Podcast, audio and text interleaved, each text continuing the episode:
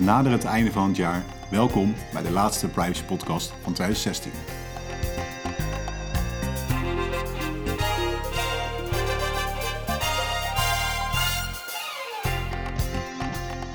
We beginnen deze uitzending met uh, een vraag van de luisteraar. Uh, Juriaan Hogenoorn heeft ons uh, een vraag gesteld. Hij stuurde erbij een linkje van, de, van een persbericht van de NOS. En dat luidde als volgt. AFM vreest misbruik als banken klantgegevens gaan delen. Uh, korte achtergrond daarbij. Hier, hierin staat dat uh, banken straks informatie van rekeninghouders moeten delen als, dat wordt opgevraagd door, door bedrijven. Om even zo maar te zeggen. Um, Juriaan, bedankt voor je vraag. En we gaan erover hebben met Van Gevonderen. Die hier ook vaak zit in de uitzending. En, en ik zelf zal ook wat over zeggen. Frank, welkom. Ja, dankjewel. Waar deze vraag over gaat, dat uh, is, is het principe van access to account. Dat betekent dat uh, fintech-bedrijven met een vergunning um, ja, toegang tot de betaalrekening mogen van ja, de, de, eigenaar van de betaalrekening om diensten te verlenen.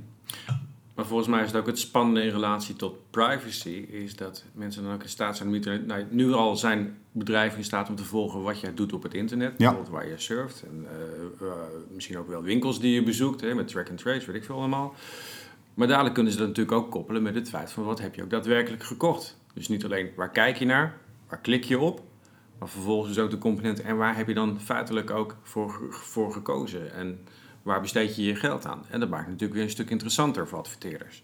Is dat niet hetgene wat het spannend maakt? Nou, uh, allereerst uh, de rekeninghouder, uh, dus jij of ik, moet dan wel toestemming geven. Dus dat is wel een, een vereiste, dus het gaat niet automatisch. Toestemming aan wie en, en, en waarvoor? Geef je toestemming aan de bank of geef je toestemming nou, aan een bedrijf die dat een concreet, wil hebben? Een concreet voorbeeld wat wordt genoemd... Um, bijvoorbeeld een hy hypotheek uh, verstrekken. Wat je nu moet doen is allemaal documenten uh, geven. En op basis daarvan wordt gezegd van nou, die kan, kan ongeveer dit bedrag aan, een hypotheek krijgen. Mm -hmm. Wat natuurlijk makkelijker is als je gewoon zegt van nou, hey, hypotheekaanbieder, hier zijn mijn uh, pingegevens of mijn, of mijn betaalgegevens, die heb je inzage.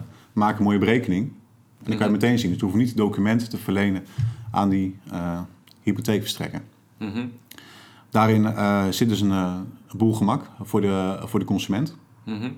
En um, ook, hè, en dat is natuurlijk ook de achtergrond, er komen steeds meer nieuwe start-ups en nieuwe fintech-bedrijven die dat willen.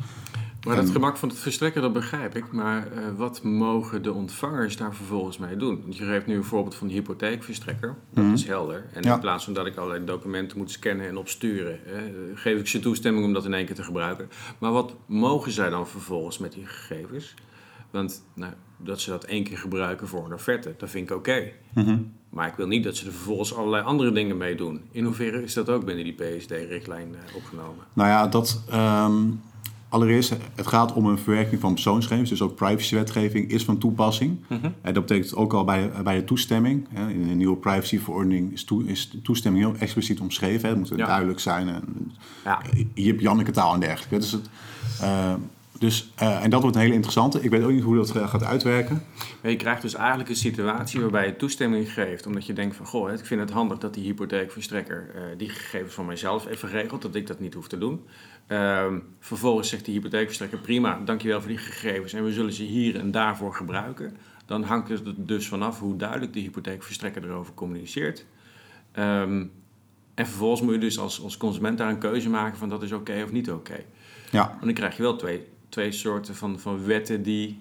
Ja, vullen ze elkaar aan of conflicteren ze?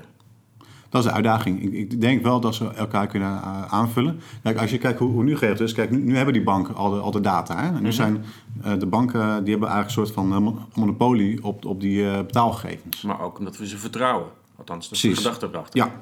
Nou, en uh, dat is ook een uitdaging, denk ik, van nou, die, die nieuwe bedrijven die dan daar, uh, daartoe uh, toegang krijgen. Kijk, ik, ik noemde net de hypotheek verstrekken.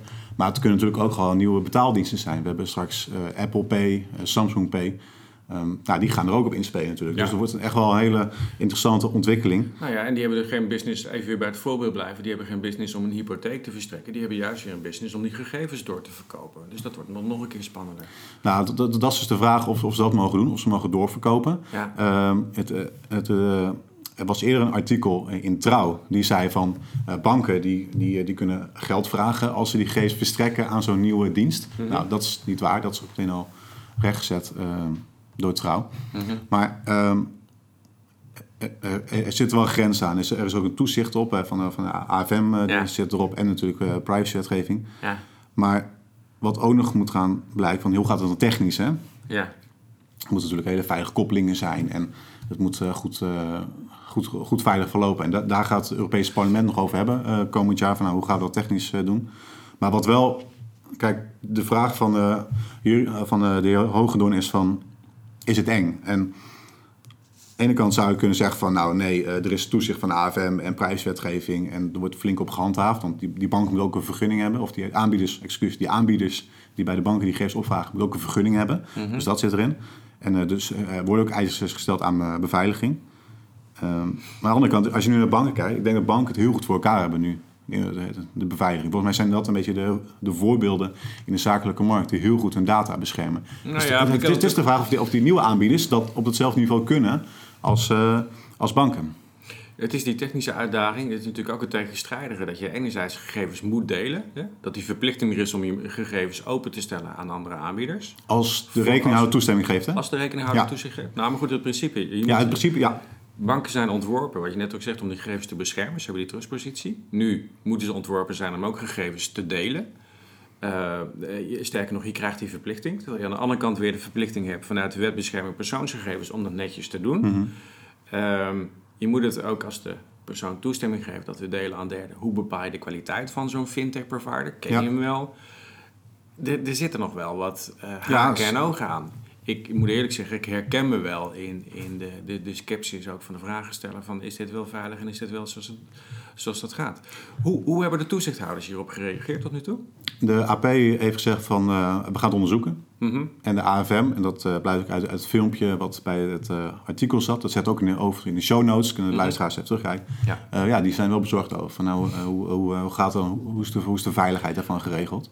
Maar wat, wat ook een, een punt is wat, wat je hierbij moet betrekken, denk ik, als het gaat om betalingen, cash verdwijnt gewoon heel erg. Ik, ik ga wel eens in Amsterdam werken en dan zit ik in zo'n hippe koffiebar. Mhm. En dan hebben ze alles hebben ze vintage jaren 20, behalve betalen. Dat moet uh, alleen met, uh, met, met de pinpas. Ja. Maar dat is natuurlijk wel een, waar we heen gaan. Dus iedereen gaat alles met de pin doen. Dus daardoor, en dat, daar begon je een vraag ook over. Want ja, je gaat gewoon meer sporen creëren. En als straks bijvoorbeeld een Facebook hierin gaat zitten, in de fintech, of een Google, of een Apple, ja, die krijgt een heel volledig beeld van jou. Ja. En dat is denk ik wel een... Uh, een privacybezwaar. En dan, kan je zeggen van, nou, ik, ik geef geen toestemming. Mm Kan je zeggen. Alleen wat je dan ook krijgt, en dat zul jij misschien ook wel herkennen, dat je wel op WhatsApp zit. Je kent de algemene voorwaarden deels, omdat wij daar vanuit privacy optiek mee bezig zijn. Maar um, je, je, denkt wel van, oeh, dit is eigenlijk niet helemaal uh, heel fijn. Maar door de druk, uh, omdat, omdat je vrienden erop zitten en zo, uh, wordt het toch verleidelijk om dat toch, toch aan toe te geven. Dus het wordt ook een soort van sociaal ik moet je eerlijk wel zeggen, dat hele principe van toestemming, ik heb daar wel moeite mee. Om twee redenen. Eén, ben je als persoon in staat om een afweging te maken van wil ik deze gegevens wel delen met die aanbieder en kan ik lezen en begrijpen wat hij daarmee doet? Mhm. Wil je door die lange voorwaarden heen lezen, wil je door al die mooie, uh, dure woorden heen prikken om te beseffen wat er uh, feitelijk gebeurt? Het tweede probleem is als je je toestemming wil intrekken, eens gegeven blijft gegeven. Als je gegevens verstrekt hebt aan, aan leveranciers, uh, kan je ze dan ook wel terughalen. Ja. Ehm, en dat is voor mij zijn het gewoon twee zwakheden van het hele principe van toestemmingverlening. Ja. Daarnaast, de ene persoon is beter in staat om toestemming te verlenen dan van de ander. Die kan het beter inschatten. Uh, ouderen, mensen met een verstandelijke beperking, uh, uh, jongeren, mensen die minder geneigd zijn om te lezen wat erin staat. Het toestemmingsprincipe, het principe van zelfbeschikking, is wat mij betreft niet, niet krachtig genoeg. Nee. Maar goed, daarom ben ik ook meer, denk ik, dit vak ingerold. Ja, nee, uh, nou, ik, denk dat we als antwoord op de vraag kunnen, kunnen stellen aan uh, Juriaan uh, dat het is het eng. Nou, ik denk dat er wel aandachtspunten in zitten als het gaat om privacy en beveiliging. En we gaan het afwachten hoe het loopt. Ja. Dankjewel. Jij ook.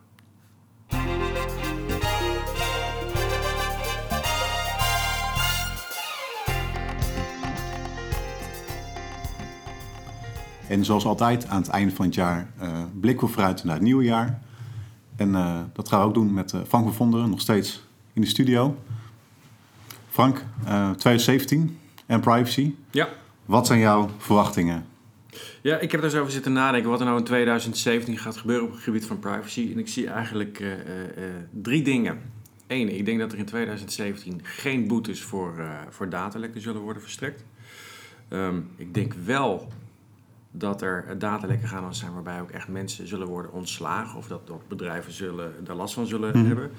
En de, ten derde denk ik dat, het, dat de systematiek van de open normen komend jaar nou ja, ik zou bijna zeggen, failliet zou, zou gaan. Oké. Nou, we beginnen bij de eerste. Bij de eerste, geen boetes. Nou ja, eh, wat ik zie is dat uh, er eigenlijk wordt gewacht vanuit de privacygemeenschap dat er een keer een boete wordt uitgekeerd door de autoriteit persoonsgegevens. En wat je tegelijkertijd ook ziet is dat de autoriteit nog niet in staat is om die boetes uit te reiken. En dan kan je afvragen om welke reden dan ook. En hoe meer ik me verdiep in die boeteregels, hoe moeilijker ik ook denk dat het is voor de autoriteit om ook een boete te geven voor een datalek. Ja. Even de systematiek erachter. Je moet eigenlijk wel een hele grote fout maken, bijna doelbewust verkeerd omgaan met persoonsgegevens om uh, direct een boete te kunnen krijgen. Als je een fout maakt of je bent onzorgvuldig, dan krijg je altijd eerst een gele kaart, om het maar even zo uit te drukken, van de toezichthouder. En doe je dan niet uh, hetgene wat de toezichthouder vraagt, volg je hun suggesties niet op, pas dan zou je een boete kunnen krijgen. Ja, want dat is dus afgelopen jaar is dat gebeurd in 2016 met Blue Trace, hè, die hebben gewoon een eerder aanwijzing gehad en dat niet opgevolgd. En toen, is, uh, toen zijn ze echt, echt gehandhaafd als de autoriteit persoonsgegevens. Maar uh, dat, er was geen datalek natuurlijk. Nee, maar waar het wel op neerkomt is als je dus willens en wetens niet de, de suggesties opvolgt van de toezichthouder, pas dan kom je in aanmerking voor een boete. En dan moet je je voorstellen dat er een situatie ontstaat waarbij de autoriteit je aanspreekt. Doe dingen beter. Nou, dan ga je dingen beter doen. Hè? Of ja, dat lijkt me in ieder geval heel verstandig als organisatie. En dat zou je ook altijd doen om, om daar een situatie te voorkomen. En dan blijft de restvraag, eh, wat heb je gedaan om ook echt beter te worden? Welke verbetering heb je doorgevoerd? En in welke mate voldoe je dan nog steeds niet? En dan het bepalen van het juiste boetebedrag, zonder dat daar discussies over ontstaan, zonder dat dat weer aangevochten kan worden bij, uh, bij in rechtsgangen. Volgens mij wordt dat een vrij ingewikkelde situatie.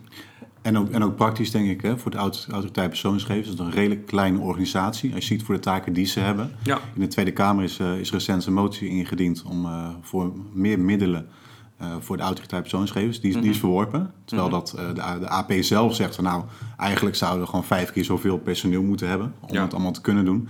En ik kan me ook heel goed voorstellen dat vanuit de AP ook wordt gedacht van ja, de hele procedures, als het gaat om datalekken, bezwaren en dergelijke en boetes. En dat het ook ingewikkeld voor hem wordt. Nou ja, precies. Kijk, en waar het dan uiteindelijk op neerkomt, is dat de eerste boete die wordt uitgereikt, dan moet er eentje die, zijn die klip en klaar is volgens mij. En de tweede en de derde ook. Um, als dan de eerste keer dat de AP een boete zou opleggen en vervolgens gaat er een hoop gedoe om hmm. ontstaan of dat wel juist was en volledig was en alle bestuursprocedures worden. Nou goed, die kan je wel bij voorstellen. Volgens mij wil je dat niet. Ik denk dat de AP zit te wachten op een uh, klip en klare case. Maar goed, hoe klip en klaar kan je hem eigenlijk krijgen met de bestaande boetebedingen? Ik denk dat dat nog heel ingewikkeld is. En daarom denk ik eigenlijk dat het nog echt nog wel een tijdje duurt voordat we die eerste grote hè, boete van die 820.000 of iets in die hmm, richting eh, gaan zien. Helder. Misschien een kleintje. Ja. Klein, ik verdien die niet per maand, maar 10.000 euro, 15.000 euro bij wijze van spreken. Maar veel meer dan dat verwacht ik niet dat er volgend jaar wordt, uh, wordt uitgekeerd. Uh, wordt uh, opgelegd. Oké, okay, volgende punt. Ja, um, datalek, ik, eh, mijn tweede voorspelling is dat de datalekken wel gaan leiden tot problemen bij organisaties. Organisaties die in financiële problemen komen. Of uh, waarbij een datalek zal leiden tot ontslag van een bestuurder of iets dergelijks. We hebben het afgelopen jaar twee interessante situaties gezien. Uh, je noemde net ook al het voorbeeld van Bluetrace, die hun werkwijze en hun business case heeft moeten aanpassen. Hm. Op een manier waarbij je afvraagt of je dan vervolgens nog geld kunt, kunt verdienen. Uh, ik denk dat er meer van dat soort organisaties zijn die de randen opzoeken van wat er wel en niet kan. Nou, en op het moment dat je door de toezichthouder wordt gewezen op, op dat je dingen aan het doen bent die niet de bedoeling zijn en je feitelijk geen business case hebt, ja, kan je als bedrijf er ook nog wel eens voor kiezen om te zeggen: prima, dan, dan stoppen we met onze activiteiten. Maar dan betekent dat dus einde bedrijf. Uh, ik denk dat die situaties kunnen ontstaan. De tweede situatie, afgelopen jaar hebben we ook al een voorbeeld gezien waarbij met name de publieke sector bestuurders onder druk kwamen te staan omdat er een datalek was geweest of dat de afhandeling niet oké was geweest. Um, wethouders of, of, directies die, die onder druk komen te staan. Ik denk dat het komend jaar wel gaat gebeuren. Dat ook in het zicht van de publieke, nou, van de kranten, van de media dat er ook bestuurders gaan zijn die het loodje gaan leggen dat er een dadelijk is geweest, dat de afhandeling niet goed is. En dat ze vervolgens ook de consequenties, persoonlijke consequenties moeten trekken. Ja, dus waar ze vorig jaar in 2016 nog mee eh, wegkwamen, of afgelopen jaar 2016 nog, nog mee wegkwamen, verwacht jij dat er volgend jaar dan gedacht, nee, de meldplichten bijvoorbeeld is al lang? Of... Ja, het thema wordt te belangrijk. Um, en als je nu aan het prutsen bent, om hem even populair uit te drukken, denk ik dat dat uh, gaat leiden tot, uh, tot consequenties. Het onderwerp is te belangrijk geworden om te kunnen negeren. En je laatste punt, je laatste voorspelling? Ja, um, de systematiek van de open normen, zoals die vanuit de privacywetgeving wordt gehanteerd, uh, levert in de praktijk echt een hele hoop gedoe op. We hebben het, in privacywetgeving hebben we het altijd over adequate beveiliging en over passende bescherming. en volgens mij werken termen zoals adequaat en passend werken niet meer. Ehm, ik zit in zoveel situaties waarbij mensen me vragen: ja, maar mag dit nou wel of mag dit nou niet? En, en, tegenwoordig begin ik ook allerlei awareness sessies met mezelf te excuseren. Ik begin mezelf met te excuseren omdat uh, ik steeds de vraag uh, krijg: ja, en hoe moet het nou? En wat kan ik nou doen? En steeds is mijn antwoord van ja, dat hangt er vanaf en dat is de context. En, ja. um, en dat kan je niet meer verkopen. Ze willen zekerheid, ze willen vastigheid daarin. Mensen willen begrijpen. Um, en zolang er geen lijstjes zijn van zwart en wit, en wat er wel mag en niet mag en wat er tussenin zit, zal je steeds het beoordelingskader aan de mensen moeten, moeten uitleggen. Wat, waarom kies je er nou voor om dingen wel te mogen of niet te mogen? Dat zijn allemaal de consequenties van die open normen, maar dat is wel een enorme belemmering voor het begrip van mensen van wat je nou eigenlijk wel en niet mag op het gebied van privacy. Ik denk dat er een hele grote behoefte is aan duidelijkheid. Wat doen we wel, wat doen we niet? Zolang de wetgeving dat niet doet, Zolang de autoriteit persoonsgegevens dat niet doet, verwacht ik dat brancheorganisaties het initiatief gaan nemen. Ja. Um, leveranciers van verzuimsystemen, gemeentes, specifieke sectoren, dat die het initiatief gaan nemen om te zeggen: van, Nou, we weten niet precies wat er wel mag of niet mag, maar vanuit de branche gaan we een bepaalde minimaal baseline hanteren. Om zo toch wat duidelijkheid te schaffen over die open normen. En dat we eindelijk van het vage eh, omschrijving van adequaat eh, uh, af zijn. Ja, nou, we, gaan het afwachten uh, volgend jaar. Misschien is het leuk om uh, volgend jaar aan het einde van het jaar nog eens uh, terug te blikken.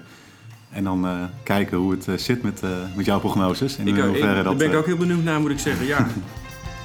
we gaan het zien. Dankjewel. En alvast fijne feestdagen. Dankjewel, jij ook.